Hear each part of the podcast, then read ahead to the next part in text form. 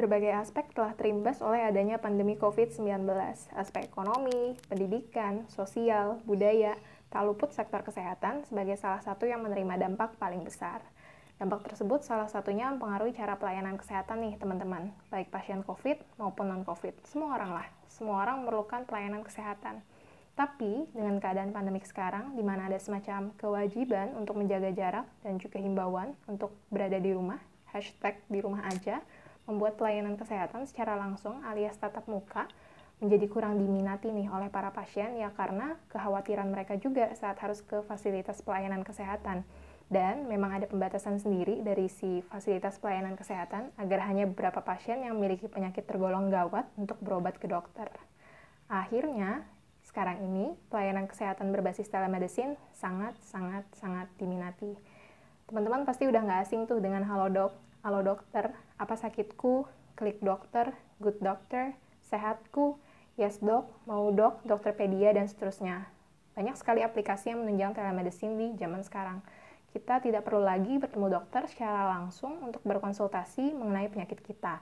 Segala sesuatu ada di genggaman kita. Bangun tidur HP, sebelum tidur HP, mau makan HP, lagi makan, setelah makan juga pegang HP dan secara statistik memang terbukti nih, baik unduhan aplikasi hingga jumlah interaksi pengguna dengan dokter memang meningkat.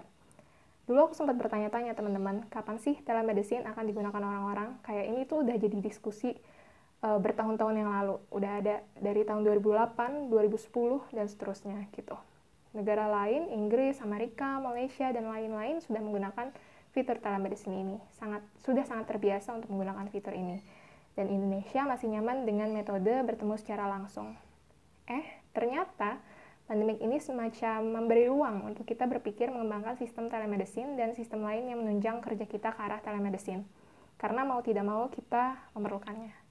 Memang telemedicine sendiri memiliki beberapa kekurangan dari sudut pandang si dokter sendiri nih, teman-teman.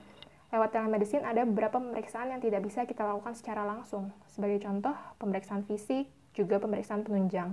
Telemedicine, kita hanya bisa melakukan anamnesis alias tanya-tanya kepada pasien mengenai apa yang dikeluarkan sekarang. Paling jauh alias paling banter yaitu menginspeksi atau melihat. Misal, melihat keadaan kulit, keadaan luka. Namun seperti palpasi atau menekan-nekan, perkusi, mengetuk-ngetuk, atau auskultasi menggunakan stetoskop belum bisa dilakukan.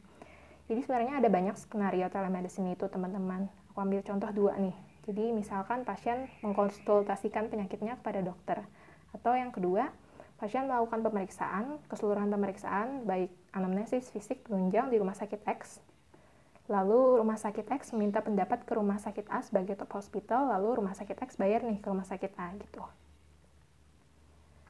Uh, intinya perlu dipikirkan, telemedicine ini nanti hanya akan digunakan pada pertemuan pasien yang keberapa. Misalkan pertemuan pasien pertama mungkin nggak telemedicine dulu nih, tapi nanti untuk kedua dan ketiga yang sifatnya kontrol mungkin bisa telemedicine.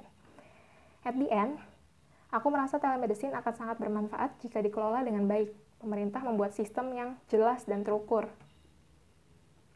Perlu dipertimbangkan nih, apakah pemerintah langsung yang menyediakan aplikasi telemedicine atau pemerintah memberi ruang kepada penyedia telemedicine swasta untuk berkembang.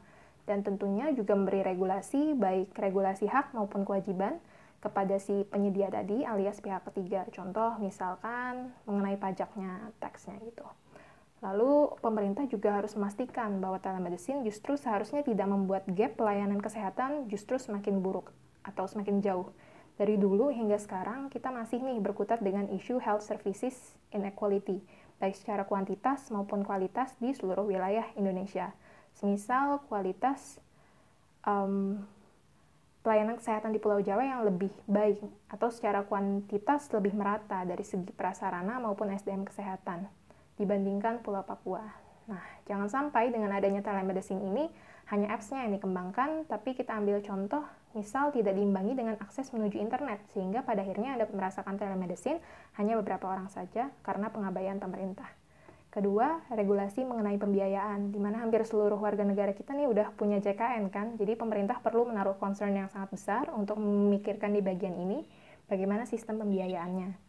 Terus, ya udah, intinya feel free feel free untuk lanjut diskusi dengan aku via DM Instagram karena sebenarnya podcast aku itu hanyalah semacam trigger. Aku coba mengumpulkan informasi dari berbagai sumber dan aku bikin dalam bentuk audio karena aku merasa ada beberapa teman yang lebih senang diringkasin terus dibikin dalam bentuk audio gitu aja. Dadah, sekian, terima kasih.